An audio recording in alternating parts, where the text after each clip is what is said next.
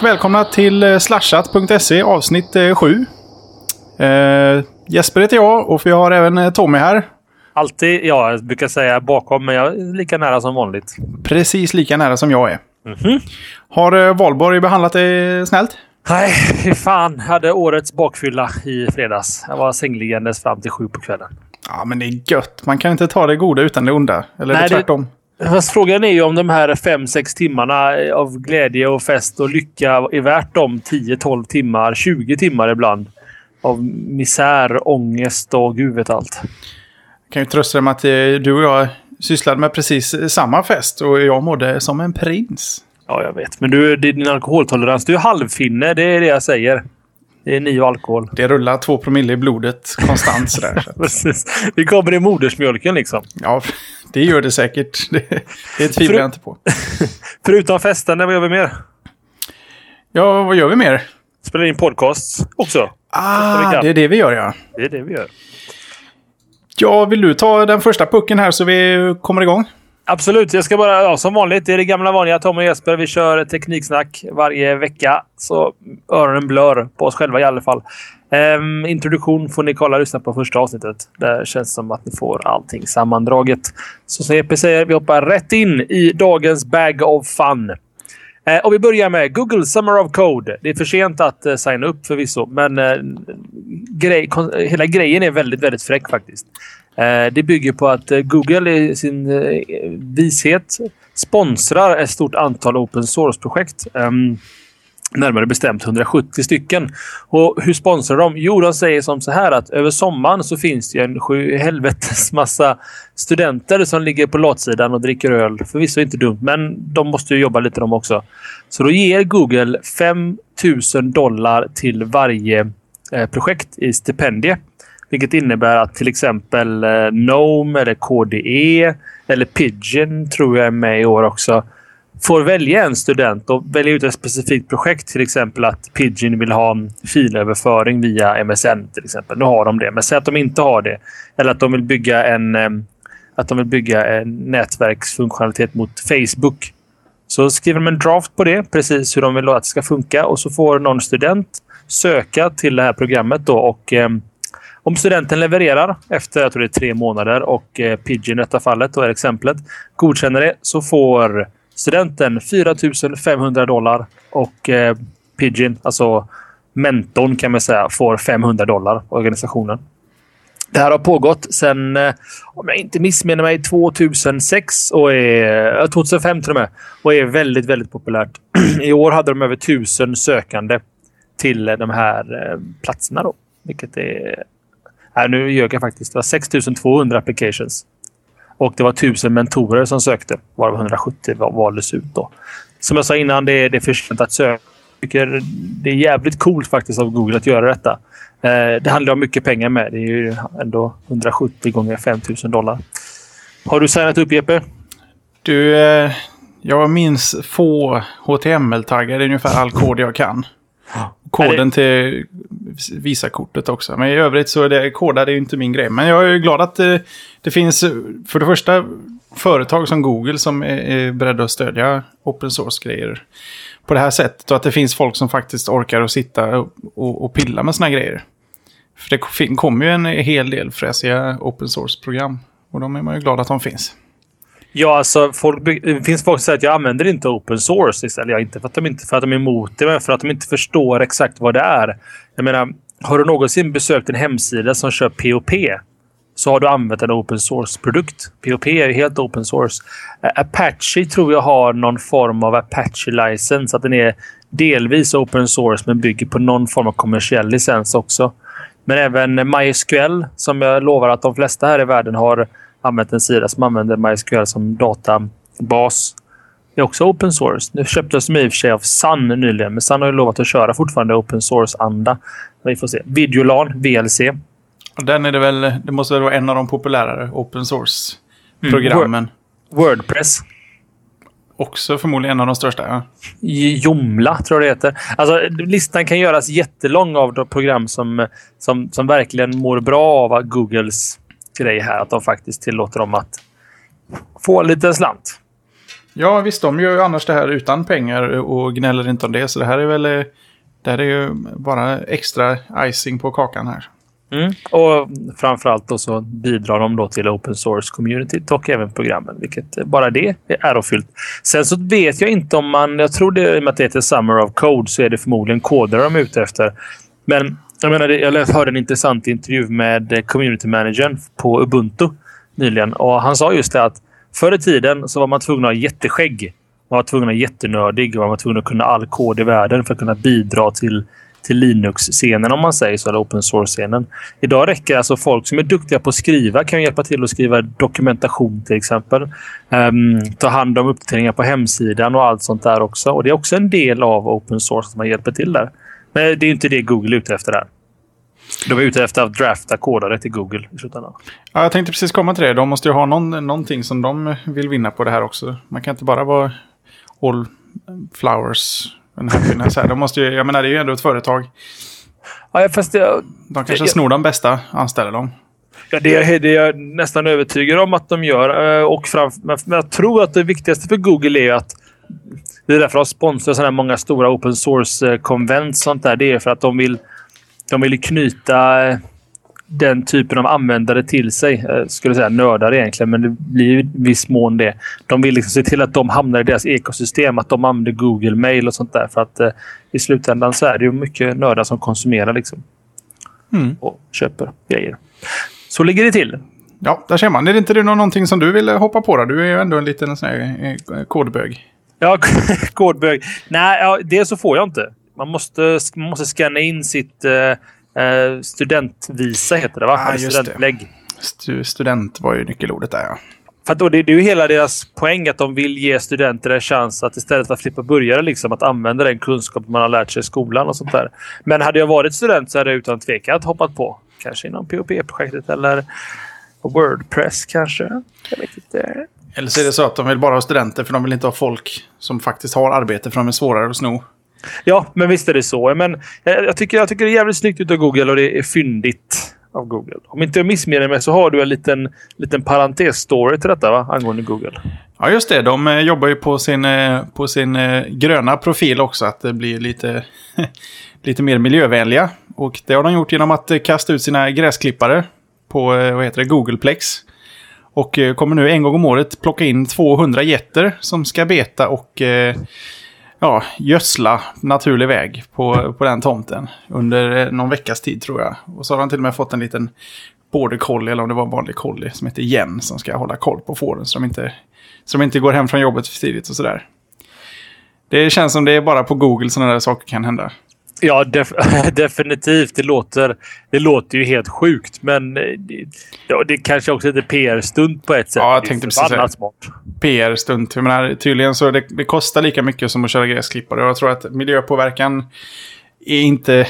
Den är nog inte så, så stor, eller så, så mycket bättre att köra ett, ett par jätter där en gång om året. Men eh, visst, det, det låter ju bra i, i, i tryck. Så att... Ja, precis. Det gör, det gör en jävligt bra historia, eller story, och det, det är ju detta verkligen. Att, eh, ja, och, det som alltså mina föräldrar kör, eller kör, att de har ett stall. Och min erfarenhet är att hästarna bara går sönder hagarna. Det är stora kratrar där hästarna tycker om att knalla runt och ha sig. Nu är ju inte hästar jätter. Och som vi påpekade innan showen när vi pratade lite igenom lite detta så sa du att jätter väger inte lika mycket som en häst heller förvisso. Uh, jätter är jättenätta jättenätta. Men det blir ju inte, det blir ju inte jätte, jättejämnt och fint på gräsmattan. Jätteskämten kommer här nu. På ja. rad, det är bra. Ja, nej, vi är nöjda med Google där, eller? Mm. Nej, det var mest bara att jag ville credda Google lite för deras Google äh, Summer of Code-projekt. De kör det fortfarande även i en konjunkturnedgång. Och supportar både open source och våra studenter, de som bygger på detta. Tycker det är bra. Hoppas de hittar någon som är duktig på eh, användargränssnitt där som de kan plocka till. Så det är ju inte Googles eh, största eh, styrka. Ja, ja eh, det verkligen. Jag hörde också, eller såg en story på Dignation. Där de gick igenom just det där att det, de, Google hade ju köpt upp eller såg till att anställa en av de mest kända eh, GUI och eh, HTML-kodare är fel ord, men designers på nätet. Eh, och så anställde de han i två år. Till slut så sa han upp sig och skrev en jättelång bloggpost om varför han sa upp sig. Och han, han börjar med att lovorda Google och säga att Google är ett underbart företag. Det är otroligt smidigt och smart att arbeta där. Men de, de är för tekniknördar. Det, det, går inte att arbeta enkelt um, inom Google som en designer. Det ser man delvis på deras hemsida eller på deras design, generell design. Men han drog upp ett kul exempel som jag måste bara dra här snabbt. Uh, Google skulle bestämma Ehm, hur beveln, alltså hur avrundningen på en knapp skulle vara och vilken färg den skulle ha i något interface. Säg att det var Google Mail eller vad fan som helst. Um, så han gjorde ju tre exempel utgick från Googles grundfärger, gjorde tre varianter och sa han att ah, nummer två tycker jag är bäst. Det funkar inte för Google. De tyckte att ah, men vad ska våra, våra besökare tycka? Så de gjorde 40 stycken exemplar, la in det i en algoritm och räknade ut vilken som användarna klickade på mest. Det tog sex månader att välja vilken, rund, vilken rundhet och vilken färg knapparna skulle ha. Och då sa han att det var enda spiken i kistan. Jag ger upp. Det går inte att arbeta så här man ska vara kreativ. Liksom. Vissa saker måste man gå by gut. Ja, det är ju en underlig approach med tanke på hur deras produkter faktiskt ser ut. Jag menar, beggars can't be choosers. De, eh, kommer en dude och gör lite design åt dem så fan, ta det liksom. Ja, verkligen. Och eh, han fick säkert eh, bra betalt med. Men han valde att säga upp sig. Han sa att det funkar inte att arbeta hos Google med design. Eller, sen kan han ha varit otroligt nitisk. Han är en väldigt känd designer om man säger så. Så det kan vara så att han hade sitt sätt att göra det på och vägrar liksom kompromissa. Personligen kan jag väl tycka att det är rätt bra att se vilken click rate som har bäst liksom, hos användarna och se vad användarna vill ha. Men 40 eh, exemplar och algoritmer och gud vet att nej, nej. Nej, Moving on. Moving on. Wolverine. Det var en, eh, en, sommarens första blockbuster som skulle, som skulle dra in eh, stora biosummor. Eh, men de hade lite otur där. Den ramlade ut på nätet i alla fall en, en och en halv månad för tidigt i en inte alltför dålig eh, kopia. Det var lite effekter och sådär som saknades. Har du var, hört? Ja, Precis. Eh, det var ju ett eh, väldigt liv om det där och eh, filmbolagen eh, var ju beredda att, att, att skjuta pirater på, på stående fot sådär. Men, eh, och, och, den har ju laddats ner en hel del, men de trodde att det skulle förstöra hela den här filmens premiär. Men eh, där hade de fel. För den, eh, den drog nu in här under premiären första dagen 35 miljoner dollar och de tre första dagarna 87 miljoner dollar. Just nu har den under helgen dragit in mer än den, det filmen som ligger på plats 2 till 10 på topplistan. Så frågan är, filmlagen gillar ju att skylla på pirater så fort det går dåligt för en film. Är, är det inte så att de, eh, jag vill tro att de bara hittar någon att skylla på när filmer egentligen är kassa? Kan det vara så? Eh, jo, det skulle nog kunna vara så. Eh, den, den, där, den rippen som kom ut, var det DVD-kvalitet eller var det TS? Eller vad var det? Det var nog en... Åh, oh, jag vågar inte säga på det. Men det var någon sån... Eh, I, i, i kvalitets... I RIP-kvalitetssammanhang så var det nog som en R5. Alright, alltså en asiatisk är det R5? Va? är det Ryssland. Är, aha, de, de, är, de brukar vara lite bättre än eh, Telesin, men inte mot eh, DVD-RIP-hållet riktigt. Och då, alltså man måste ju inse att eh, sådana här filmer, Wolverine, Transformers, alla de här kommer alltid gå bra på bio. Av den enkla anledningen att det är biofilmer, alltså filmer man gärna vill se på bio på grund av effekterna. Det är ju en stor eh, effekt-feast egentligen. Och därför så tror jag att den kommer gå bra oavsett. Däremot till exempel, jag tror att det faktiskt skulle påverka om till exempel Disney-filmer, barnfilmer kommer ut tidigt. För att då slipper föräldrarna gå på bio och kolla med ungarna. Eller om eh, draman och sånt där kommer ut tidigt. För att det är, många ser dem hellre hemma och där har inte kvaliteten en så stor betydelse. Det funkar att kolla på en, en DVD-kopia liksom. Så mm. jag, tror det, jag tror det har mycket med saken att göra. Men eh, sen så hoppas jag tror att de flesta pirater där ute dels laddar ner tidigt för att de vill känna sensationen i att se någonting först och kunna säga på skolgården eller på jobbet eller på vad det nu kan vara. Att ah, jag har ansett Wolverine, liksom, kanonfilm eller jättedålig. Mm. Uh, jag tror inte man ser, ser filmen på en, i så dålig kvalitet. Utan jag tror man snarare bara iakttar filmen på ett underligt sätt. Ja, men det, det jag ville komma åt här var om, om nu när filmen ändå piratkopierades så mycket som den gjorde. Om vi tar filmer i allmänhet. om de kommer ut tidigt, eh, överskattar piraterna deras egen styrka och, överska och eh, vad blir det? överskattar filmbolagen um, piraterna som laddar ner. Att, det, ju, att ju tidigare den kommer ut, desto mer stör det våran, uh, våran, våra intäkter. För här verkar det inte som det har stört så mycket i just det här fallet. Men uh, om man skulle ta no något långt drama sådär. För menar, om man kollar hur mycket det laddas ner, visst, 100 000. Det är inte så jäkla många människor. Uh, om man ser till en, en stor film som ska ut i hela världen. Nej, du har helt rätt i det. Jag tror också att fortfarande så är sådana här rippar inte så där jättelätt åtkomliga. Pirate Bay gör det lättare att komma åt det för gemene man, men fortfarande så är BitTorrent-tekniken. Det är ju inte click and go för många människor. Det ska öppnas portar i Firewall, så det är fortfarande ett visst härke med att göra det. Mm. Eh, om du till exempel tar program som, tappa ordet vad de heter, MP3-program, den här P2P-programmet MP3 som kom. Kassa. Mm. Det var ju inriktat mer mot um, en annan typ av publik, alltså gemene man. De som inte hängde på uh, trackers och sånt där. Mm. Uh, och, och, och, Skulle man få ut sådana lösningar som folk faktiskt kan börja använda lättare så tror jag nog att man skulle se en större, mer nedladdning. Men uh, jag snurrar, in mig själv lite i mitt argument här. Men, eh, ja, nej, men du, du har fortfarande inte svarat på min fråga här om, om filmbolagen egentligen använder pirater som sitt svarta får. Att de skyller på piraterna när en film går dåligt. När det kanske inte är så att piraterna orsakar så stor skada. Ja, du, menar, du menar som lite Cry Wolf innan för säkerhets skull. Att jag menar, går den dåligt nu så kan vi alltid skylla på de här hundratusen som laddade ner. Ja, precis. För där har de säkert skyllt på nu om Wolverine inte hade gått bra. Men nu verkar den göra det ändå. Trots mm. att den är en av de mest nedladdade filmerna i år. Ja, nej, och det, det, det, har du, det, det tror jag de gör. Eh, sen kan jag också tro att det är i viss mån lite eh, lite marknadsföringsgrejer om att, att den kom ut och så kapitaliserar de på det genom att få upp lite extra artiklar om Wolverine och sånt där. Men eh, det tror jag absolut att de har gjort. Ja, det kan ju vara ett fult sätt att, att scouta marknaden. Som ja. världens största screening.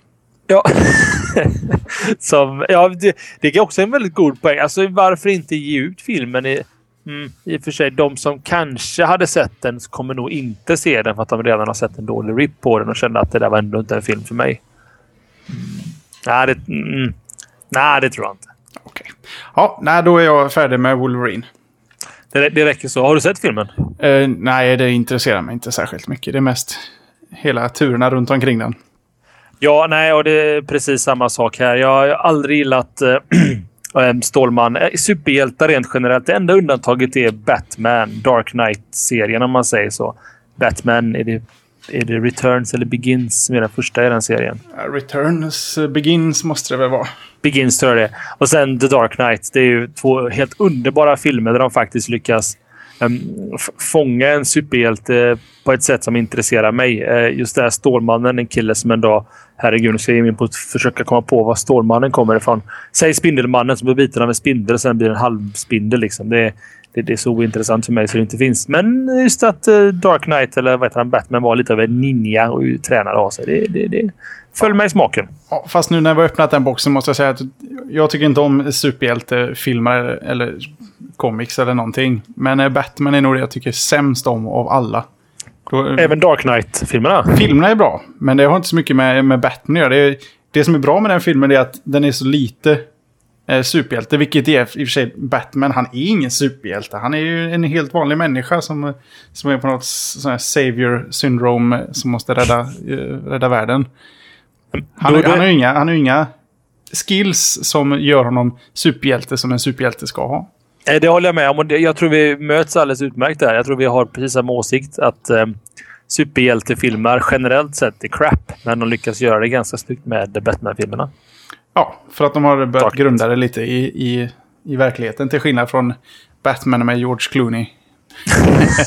har, inte, har inte han, regissören eller producenten, bett om ursäkt från filmerna i efterhand? Det, har han inte gjort det så borde han det. Fy fan. Ja, åter till tech. I och för sig, Batman är väl till tech på ett sätt. Men eh, vi, vi, vi, matar oss vidare här i internetdjungeln och dyker upp på Spotify. Dock inte vid din dator utan i din mobil. Um, fantastiskt bra, äntligen. Eh, Spotify confirmar, det gjorde de i och för sig för några veckor sedan, att vi håller på med en iPhone-app. Den kommer även komma till Symbian och Android om jag inte ljuger för er. Det gör jag inte. Ser mina show notes här. Ehm, och naturligtvis, det kommer vara en premiumtjänst. Det betyder alltså att för att kunna köra Spotify i din cellulära fon så måste du ha premiumkonto och betala 99 spänn i månaden. Är det något du kommer göra Jesper, eller? Som är iPhone-dude. Eh, ja, Spotify har vi gärna avhandlat ett par gånger och iPhonen har väl också diskuterats en annan gång. Eh, men de tillsammans, det är ju det optimala. Ja, men det här det var ju något av de första programmen där jag var inne på att eh, Spotify blir inte intressant för mig förrän det börjar hamna på överallt där jag kan vara. För jag sitter så sällan framför en dator och lyssnar på musik. Jag vill gärna ha det om man sitter på en buss eller sitter på en, ett flyg eller var som helst. Och, ja, flyg, flyg blir väl lite svårt. svårt. Ja, det blir svårt. I och för sig, det finns ju wifi-access på flyg i USA. Ja, det är väl på gång nu tror jag. I större utsträckning. Nej, alltså... Jag är tillbaka vid det gamla problemet att jag lyssnar på lite udda musik tycker jag. Spotify har inte allt. Kunde jag på något sätt få en lösning för att ha all musik jag har som finns på Spotify via Spotify och så att jag kan på något sätt komplettera Eh, med eh, min egen musik. Tänk dig om, om Spotify-programvaran eh, hade stöd Local för att focus. lägga i ditt egen musik. Så att man inte, det, syn, det, liksom, det är inte synligt utåt, om man inte vill då. Vilka låtar som du har på din dator och vilka som ligger hos dem då. Så att man kan få all den musiken man vill ha. Då, är det, då, då jäklar, då, då är jag med. Ja, och det, det är en kanonidé Jesper. Jag hoppas att Spotify tänker i de banorna. För att man vill alltid komplettera biblioteket i Spotify. För det finns alltid den där smala musiken, eller smala, smala genren snarare, som kanske bara jag lyssnar på och du i världen. Och vi kan inte lyssna på det via Spotify. Det innebär att vi måste ha Winamp körandes i bakgrunden eller, eller iTunes. Och du vet, det, det är inte optimalt. Det, och det är en sån enkel funktion för Spotify att lägga till. Mm. Jag kan döpa den åt dem, Local Folders. Ja, Problemet med Spotify som det är nu det är att eh, upplevelsen med Spotify är ju negativ redan från start. För att du skaffar det här abonnemanget för att kunna lyssna på all denna musik som finns där i. Och då förutsätter du att all musik finns där inne och eh, så fort den inte gör det då blir det ju en negativ reaktion. Mm. För man, om man ändå lägger 100 spänn i månaden på, på en funktion som då ska kunna leverera musik då vill man ju gärna man vill inte ha flera abonnemang. Jag kan ju inte ha 99 kronor på Spotify, någon på Technofy och någon på, på Hiphopify eller någonting. Så att uh, slänga ut liksom tusen spänn för att komma åt all musik, även lite uddare genrer och sådär. Så det vore ju skönt om man kunde komplettera det själv då, men uh, de kanske knäcker den nöten uh, någon gång. Herregud, vi lyckades knäcka den. Ja. Så svårt ska det inte vara. Jag, alltså, jag hoppas att de kommer till det stadiet där de inser att för precis som du säger Jesper, första programmet och det andra programmet vi pratar om Spotify så jag är ganska negativ och säger att men jag gav det en chans till för jag, jag tycker ganska mycket om populärmusik. Inte nödvändigtvis, nödvändigtvis pop, men även populärmusik. Um, och Det finns ju ganska mycket bra grejer på Spotify, men du måste alltid komplettera så att jag har en jättejobbig setup där allt till allt ett är play i Spotify och Windows-knapp ett är play i iTunes. Liksom, för att ha olika musikspelandes. Um, och det, det, är ju rörigt och krångligt, uh, men utbudet är okej. Okay. Men som du säger, det är inte perfekt. Och för att betala överhuvudtaget för tjänsten så måste det vara perfekt. Du mm. måste ha all den musiken du vill kunna ha. Och det är lite det som um, iTunes lyckades med. Dels så har du den, de, det lokala libraryt, alltså det som du har köpt på andra sajter eller laddat ner eller fått av en kompis eller vad det nu kan vara. Men du kan även komplettera med ny musik när man köper det via iTunes Store. Och det, det är klockrent, det koncept. Ja, då är ju egentligen iTunes eh, som, som det är nu egentligen så som vi vill att Spotify ska vara. Med enda mm. skillnaden att... Det vänder på det. iTunes där du kunde prenumerera på all iTunes-musik i storen för 99 spänn i månaden. Ring upp Apple och föreslå det. Så kommer de döda Spotify på en natt. Oh, jo, men de har väl ett annat eh, skivbolag. Grejen är att det är det som är lite underligt. Att, eh, visst, de har ju gått med på att släppa musiken till Spotify. Men någonting säger mig att Apple, skulle de be om det så skulle de inte få det. För eh, alla bolag verkar inte ha samma inställning till vem som frågar. För jag menar, ta Amazon MP3 Store där. De har ju sålt musik utan DRM ganska länge nu. Mm. Och det tog en jävla tid för, för iTunes att få bort allt DRM-skydd på den musiken de hade. Och det är ändå samma bolag som lägger upp musiken på båda. Det, det kan ju vara avtal också. Att de skrev på ett femårigt avtal med Warner Brothers till exempel. Att då har vi det här avtalet och de fick vänta på att det skulle gå ut eller någonting. Ja, um, det känns ju dumt att skriva så långa avtal på, på saker som händer så fort i en så ny bransch. Men visst, ja. alla är väl greedy och vill vill ha på papper att de ska få stålar under så länge som möjligt. Jag tror vi båda kan vara överens om att skivbolagen inte hänger med speciellt bra i den här branschen överhuvudtaget. Svar nej. nej. Så att, men um, jag tror det skulle vara... Uh, jag, skulle för, jag, har faktiskt börjat gilla hela iTunes-grejen och det var du som prackade på med den. För att jag satt där i Winamp och hade mina sorterade mappar i utforskaren i Windows. Och sa att fan lägg in det i uh, iTunes. Jag gjorde det och jag är jättenöjd idag. Jag har världens bästa bibliotek där för det är musik jag tycker om. Um, men Spotify är ett bra komplement. Och, jag har varit, nu när det här API finns, så jag personligen varit lite sugen på att bygga så att man kommer åt Spotify via iTunes genom en uh, network sharing. Men får se hur långt jag kommer med det. Um, för då skulle det kunna funka bra att Spotify blir som en radio. Du kan välja musiken. Men i da dagens läge så är det inte... Jag ska aldrig betala 99 spänn i månaden för det. För att uh, så mycket konsumerar det inte. Och jag har inte behovet av det. Hmm. Men som en liten follow-up så hintar faktiskt Spotify att de ska börja köra streamad video nu. De, de, har testat tekniken och är lite sugna på det. Och det är också, jag tror jag nämnde det i första programmet när vi pratade om det, att det är därför de inte heter Musicfy eller eh, Songfy eller vad Fabian kan heta. De heter Spotify. Det har att göra med att de kommer expanda in i streamad video. De vore idioter annars. Ja, så länge de, eh, det går bra för dem så kommer de väl alltid försöka utveckla. Det är väl som alla företag. Få in så mycket som möjligt nytt. Och där kan jag lova att jag lätt skulle betala 99 spänn i månaden för att få alla tv-serier och sånt. Gärna svenska, som vissa följer man liksom, typ Robinson och sånt där. Mm, ja, det hade varit nice. Det, det, det tror jag starkt på. För att um, on demand funkar alldeles utmärkt på nätet, vet vi. Och uh, det, det, Skulle de få in video i vettig kvalitet, säg 720 i alla fall. 480 eller 460 tycker jag är lite, lite snålt kanske, men 720 räcker ju. Men då krävs det ju betydligt mer bandbredd helt plötsligt. Men det, det verkar ju, ja, det hade ju du upptäckt här idag. Mm. Att eh, ja, de har löst bandbreddsproblemet. Eh... På sitt egna lilla sätt. Ja. Du, du öppnar upp egentligen, eh, du blir en P2P-klient när du kör Spotify. Av en ren slump så, ramlade, så kollade jag nämligen Wireshark på min dator för jag ville kolla ett annat program. Wireshark är ett program som läser all trafik som går över ditt nätverkskort. Då noterar jag att jävlar vad connections jag har mot eh, bredbandsbolaget. Men då tittade jag då och upptäckte att det var Spotify som hade 35 anslutningar ut på nätet. Så blev jag nyfiken och tänkte vad, vad är det för anslutningar? Så gick jag igenom dem och det är faktiskt så att för varje minut eller sekund eller vad det nu kan vara av en låt i Spotify som du lyssnar på så sparas det en lokal kopia av den låten. Om någon annan person som är anslutningsbar till dig vill lyssna på samma låt och du har en närmare routing än till Spotifys servrar av sett du i bredbandsbolagets eh, nätverk så kommer Spotify ta låt, den lilla biten av låten du har på din dator från din dator, obviously. Eh, jag ska faktiskt skriva ett blogginlägg om det och ge lite mer data. Jag tycker inte det är helt hundra av Spotify att göra så. Speciellt med tanke på att även om du pausar din Spotify så fortsätter den streama. Vilket gjorde att jag hade delat ut 7 gig på jobbet över helgen från Spotify. Ja, det är ju inte helt okej okay i dagar när fri bandbredd inte är fri bandbredd längre. Som sagt jag spelar egentligen ingen roll på jobbet, men eh, jag var helt övertygad om att jag streamade från Spotifys eh, servrar. Det var så jag trodde det funkade överhuvudtaget. Att jag fick liksom en bitstream till mig som dekodades och sen blev musik i mina öron. Mm. Eh, men så är det ju inte. Utan det, det, det, det lokalcashas och sen delas vidare. Vilket är ett ganska briljant system egentligen om jag hade godkänt det från början. Vilket jag förmodligen har gjort i någon eh, LUA någonstans. Eller EU. EULA. En User License Agreement. Alltså jag, jag, jag, har inte hört det nämnas att det skulle vara P2P eh, eh, i det här programmet. Men å andra sidan, det, det, det, står ju om man går in och kollar. Men det, det är någonting man tycker de kanske... Eller borde de upplysa om det? Ja... Alltså i, alltså, i splashen för programmet. Eller i alla fall ge användaren möjligheten att stänga av det.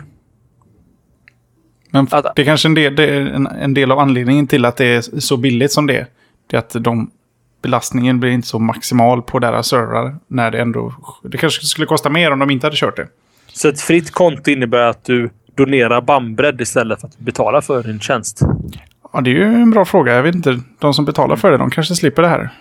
Jag ska skriva upp ett blogginlägg och lägga upp lite, lite bakgrund och lite data på det. Så får vi se vad som händer. Blogga jag... på det. Jag lovar att läsa. Tack Kasper.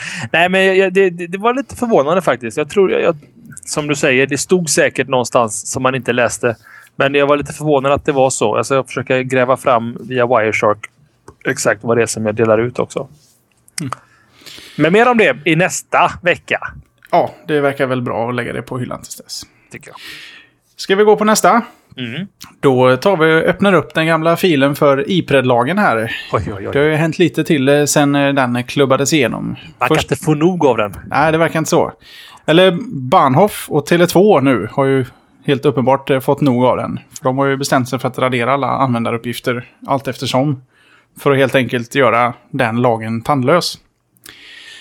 Frågan är, är det... Först kom ju Bahnhof då för ett par veckor sedan och nu här i veckan, eller då förra veckan, så hoppade Tele2 på det tåget. Och eh, enligt Bredbandsbolaget så har de ingen... Eh, det är det enda jag har hört från. De har inga planer på att göra det här. Så frågan är, det Tele2 har gjort och Bahnhof, är det bara för att, eh, att, att få cred? Eller tror du att de verkligen tycker genuint illa om den här lagen? Och, eller är det bara billig marknadsföring för dem? De skiter blankt lagen. De tappar kunder och måste hitta någon lösning att behålla kunderna i nätverket. För att eh, svart på vitt så betyder Ipred-lagen att polisen eller vem det nu är får lov att gå till de här leverantörerna och kräva ut datan. Um, det gör att kunder lämnar dem naturligtvis. Um, lös, tittar på, på andra lösningar. Och eh, då um, måste de göra någonting sånt här. Men, men någonting som förvånar mig. Jag har försökt googla så snabbt jag har kunnat här medan du pratade där Jesper. Och det var just det att finns det inte en gammal lag som kräver att alla ISP sparar data under en viss period? Det här låter bekant, men eh, när de intervjuade han killen på Bahnhof så det lät verkligen inte... Alltså det, det är ingen idé. De hade inte kunnat gå ut med att de skulle kringgå det här om det var ett lagbrott att göra det. Utgår mm. jag ifrån. Så att det, det kanske var någon gammal så här obsolit lag som, är, som har försvunnit på något sätt. Eller så kanske den, den kanske behandlar något helt annat jag ska inte nämna några namn, men jag satt som konsult för ett mång, herrans många år sedan på ett företag där i samma lokal satt ett, ett internetleverantörföretag som hade just uppringt internet. Åh, goa tider. Det var goa tider, så det var väldigt länge sedan. Och, och, och, då började jag prata med, jag vet inte om det var ägaren eller någon tekniker där eller någonting. Och så började vi diskutera så här och så sa jag hur, hur jag var ganska ung på den här tiden, så jag frågade liksom, hur utsatt är jag som uppringd modemperson. Alltså om jag ringer upp till er, er modempool och sen gör någonting på nätet. Det behöver inte vara något olagligt, men det kan vara vad som helst. Hur, hur lätt är det att spåra mig? Och då förklarade den personen klart och tydligt för mig att enligt lag så måste vi spara all data, inte all data, men alla handlingar du gör under en viss period genom våra modempool. För att vi är tvungna att kunna redovisa för myndigheterna, eller ja, polis då egentligen, i ett fall att Tommy loggar in från det här numret. Sen att det är jag som loggar in, det vet de ju inte. Vad fan, det kan vara min syster som ringde via vårt nummer. Men skitsamma. Den här som är personen som är ansvarig för detta det här kontot gjorde följande på nätet. Och han sa att det var ett jävla gissel för dem. För att på den tiden så var väl 500 megabytes hårddiskar det var liksom det största du kunde få.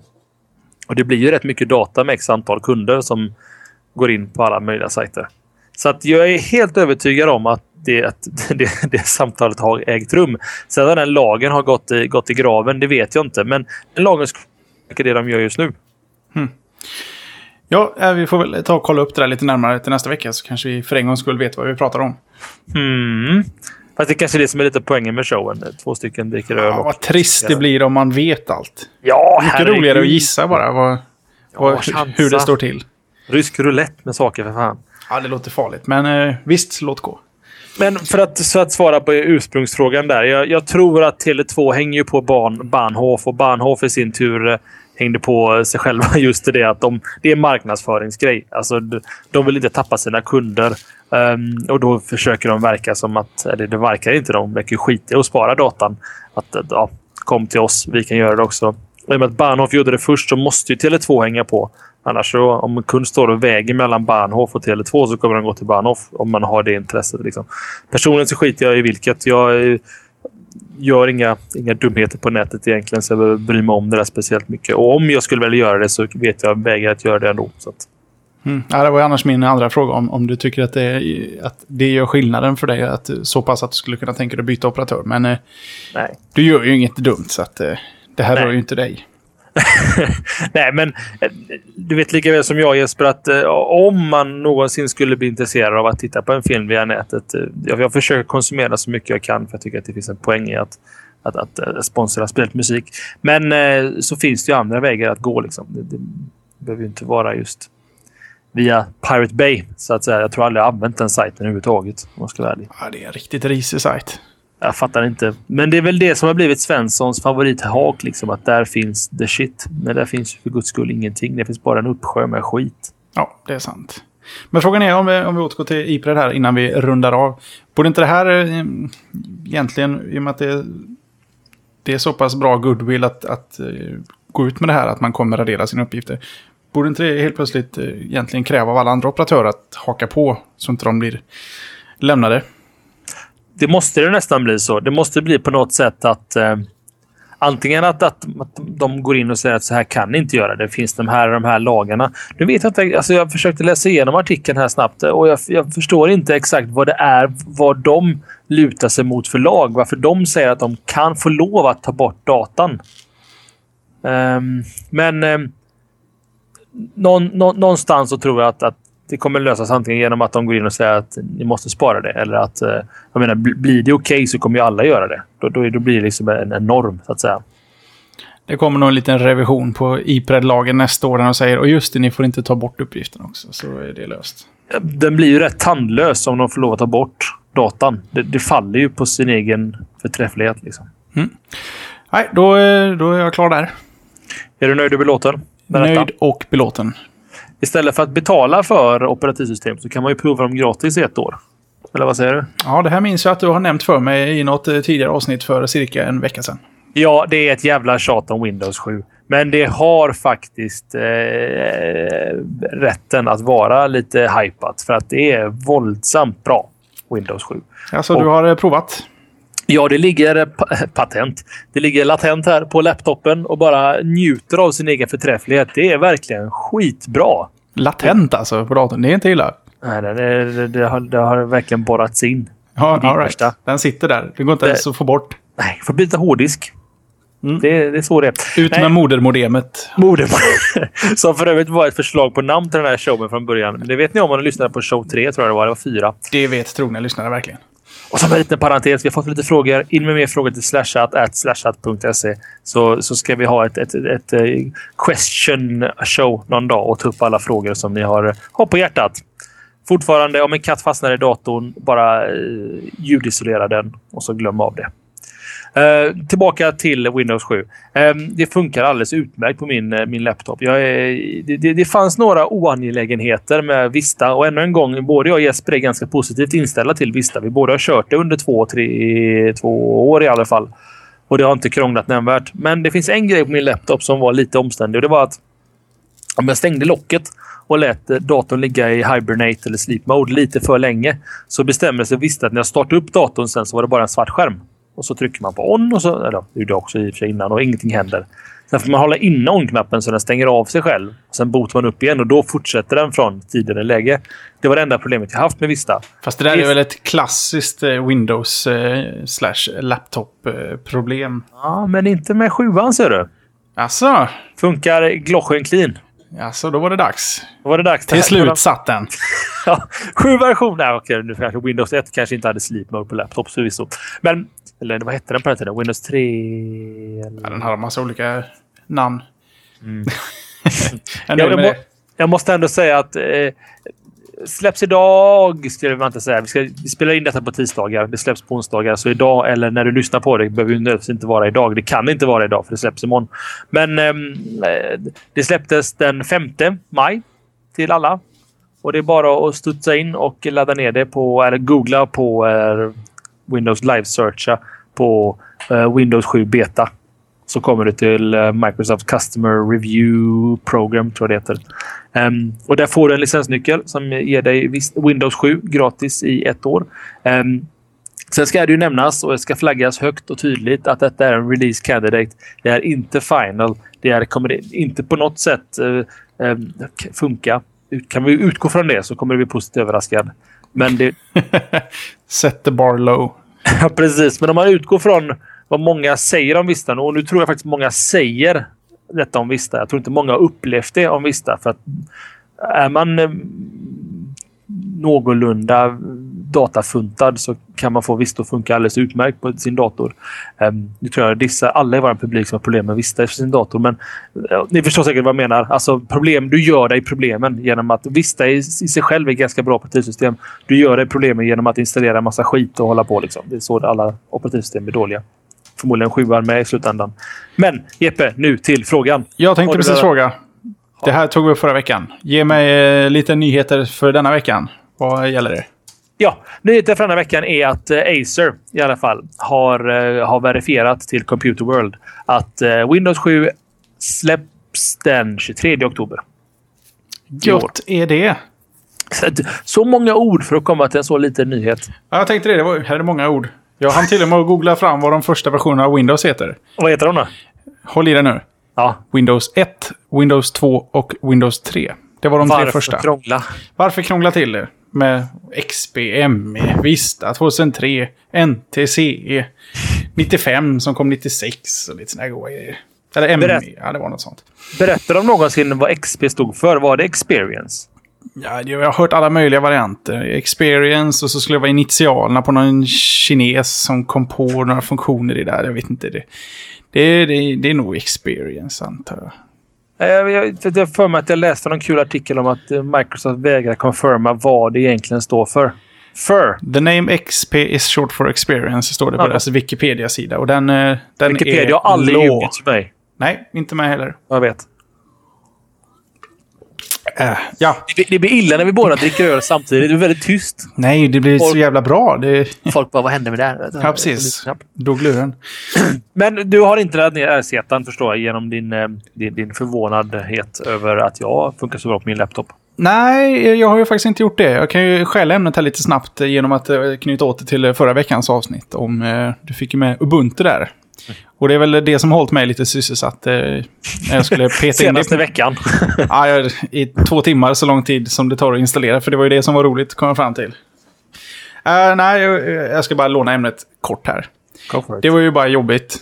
Det, det tog ju två installationer innan jag fick igång det. För den, den dog ju första gången, så det kändes inte så stabilt. Andra gången så dog den inte och då var det installerat och så var det klart. Sen la jag ihop laptopen, la i lådan och så var det bra med det.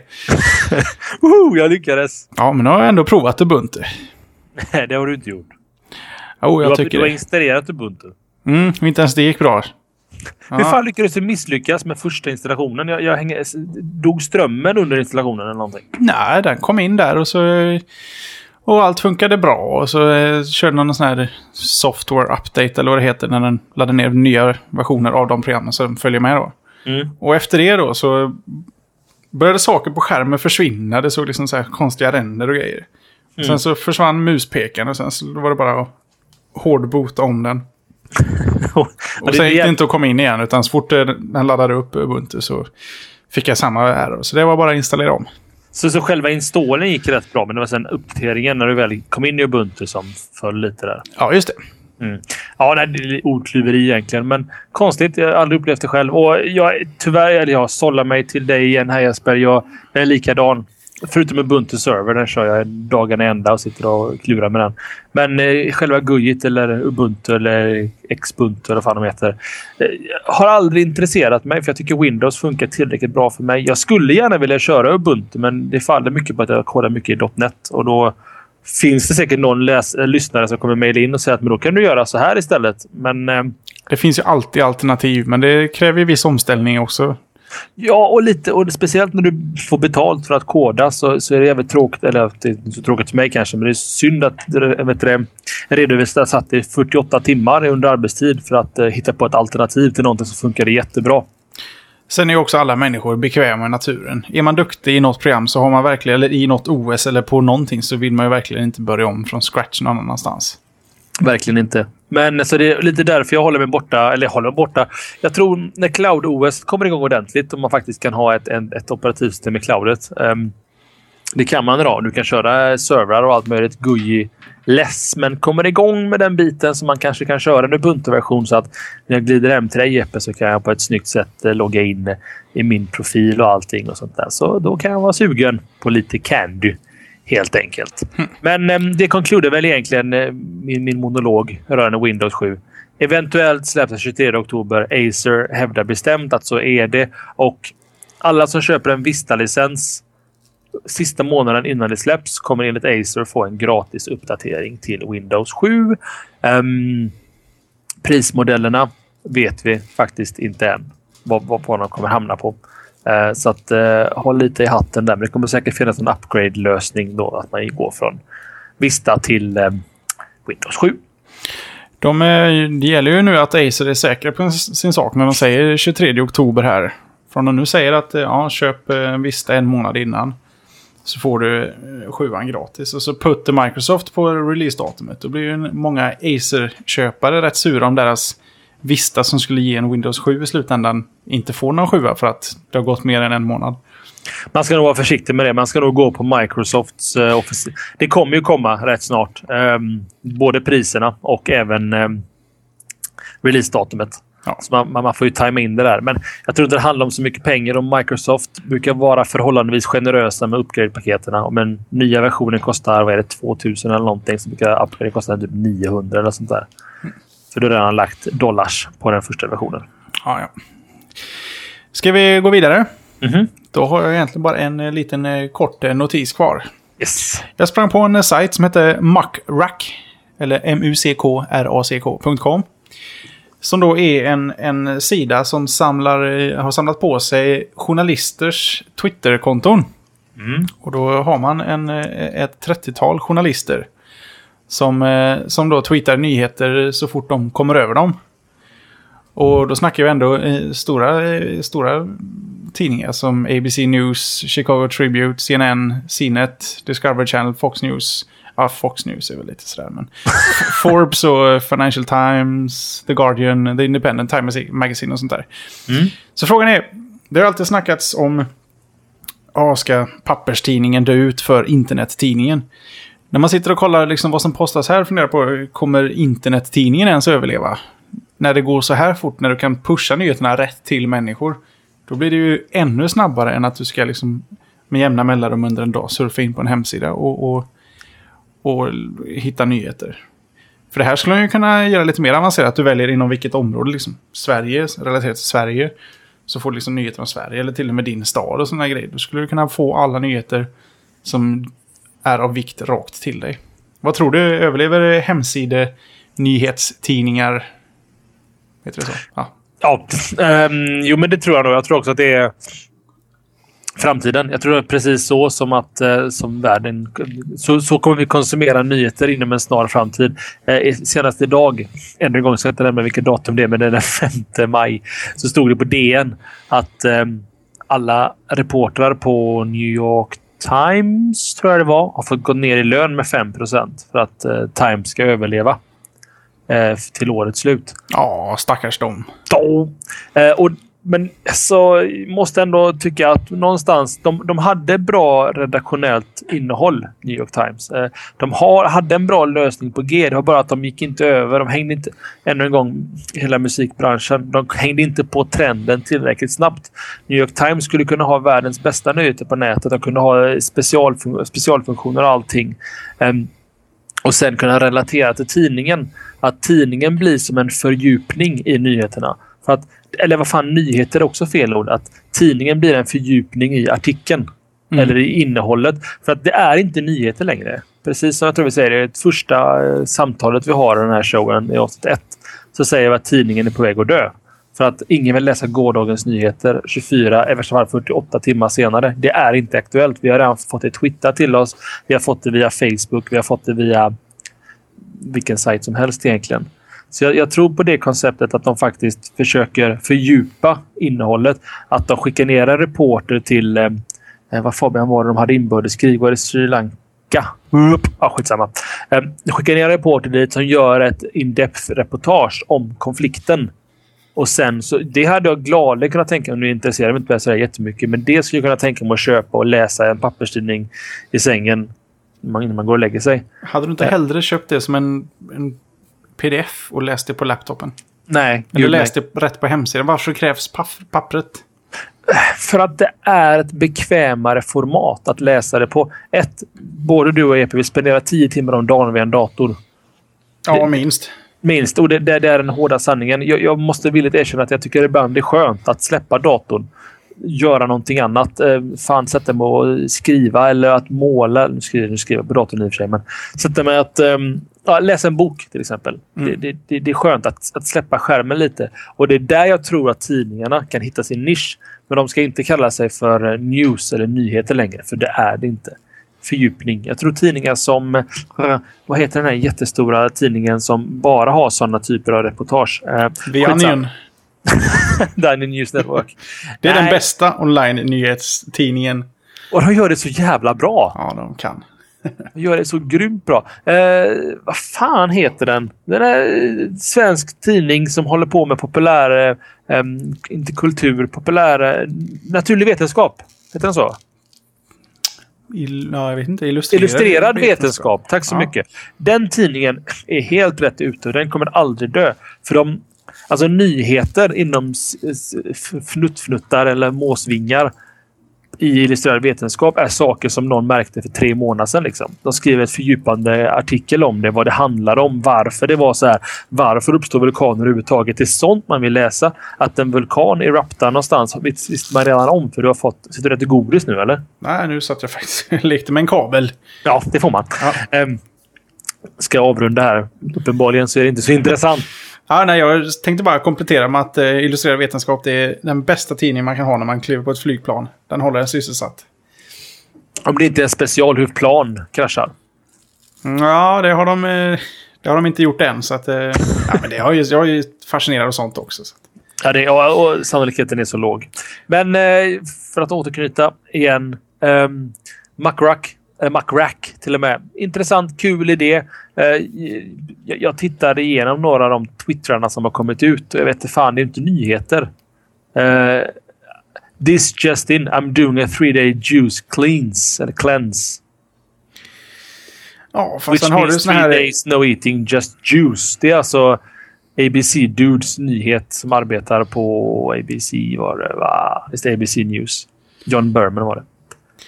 Ja, men vi har andra här som It was likely a microburst that caused Saturdays uh, roof collapse at the Dallas Cowboys. Det är ju ändå nyheter liksom. Mm, men det, det finns lite nyheter där. Så. Ja. Men visst, de har ju bara plockat Twitter-feedsen. De kan ju inte garantera någon kvalitet på innehållet här whatsoever. Men om man då tittar, blickar, vi ska egentligen blicka mot slutet av programmet här, men en eh, snabbis här. Om man mm. blickar framåt lite. Push news till eh, en e-reader. När du sitter, ligger i sängen. Typ RSS. Ja, nej, fast typ Amazon Kindle, alltså en, en, en nästan e-ink heter det väl till och med. Mm. Din, din digitala tidning i framtiden, dit du får alla dina prenumerationer och sånt där. Vad tror du om det? Kan det vara en variant? Det tror jag väldigt mycket på. Um, just, eh, jag tror också vi har avhandlat liknande ämnen tidigare. Det är just det att den dagen de knäcker digitalt papper du vet, papper med sån kontrast att det känns som en bok. Du kan bläddra i den. För Jag tror bläddrandet faktiskt är rätt viktigt. Att man kan bläddra i saker. Um, och att det sitter som en liten uh, VLAN-grunka på den som laddar hem eller får, får pusha till sig de senaste nyheterna är en win. Alltså i samma sekund som det händer så kommer det spara på regnskogen och gud vet alla skogar i världen. Många träd får sätta livet till bara för att vi ska kunna läsa en papperscrap. Liksom.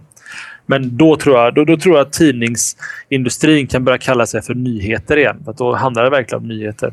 Just nu så är det bara föråldrat. Old news, old news. Mm -hmm. Indeed. Ja, ska vi kalla de orden våra sista för denna gången tro? Ja, jag måste gå och tvätta så du får gärna prata hur länge du vill. Ja, här ska lagas torsk ser du. Så att, eh, ja, det får vi se. Det blir vi är från Göteborg så vi äter fisk. Jajamän. Det är bra det. Och reker, sådana som maneter. maneter. Nej men Jesper, med, med de, det visar mattipset nästan från eh, Slashat-redaktionen så ska vi väl avrunda va? Ja, eh, ska bara flika in att ni har oss på eh, www.slashat.se. Och eh, har ni någon fråga ni vill att vi ska svara på här så är det slashat slashat.se.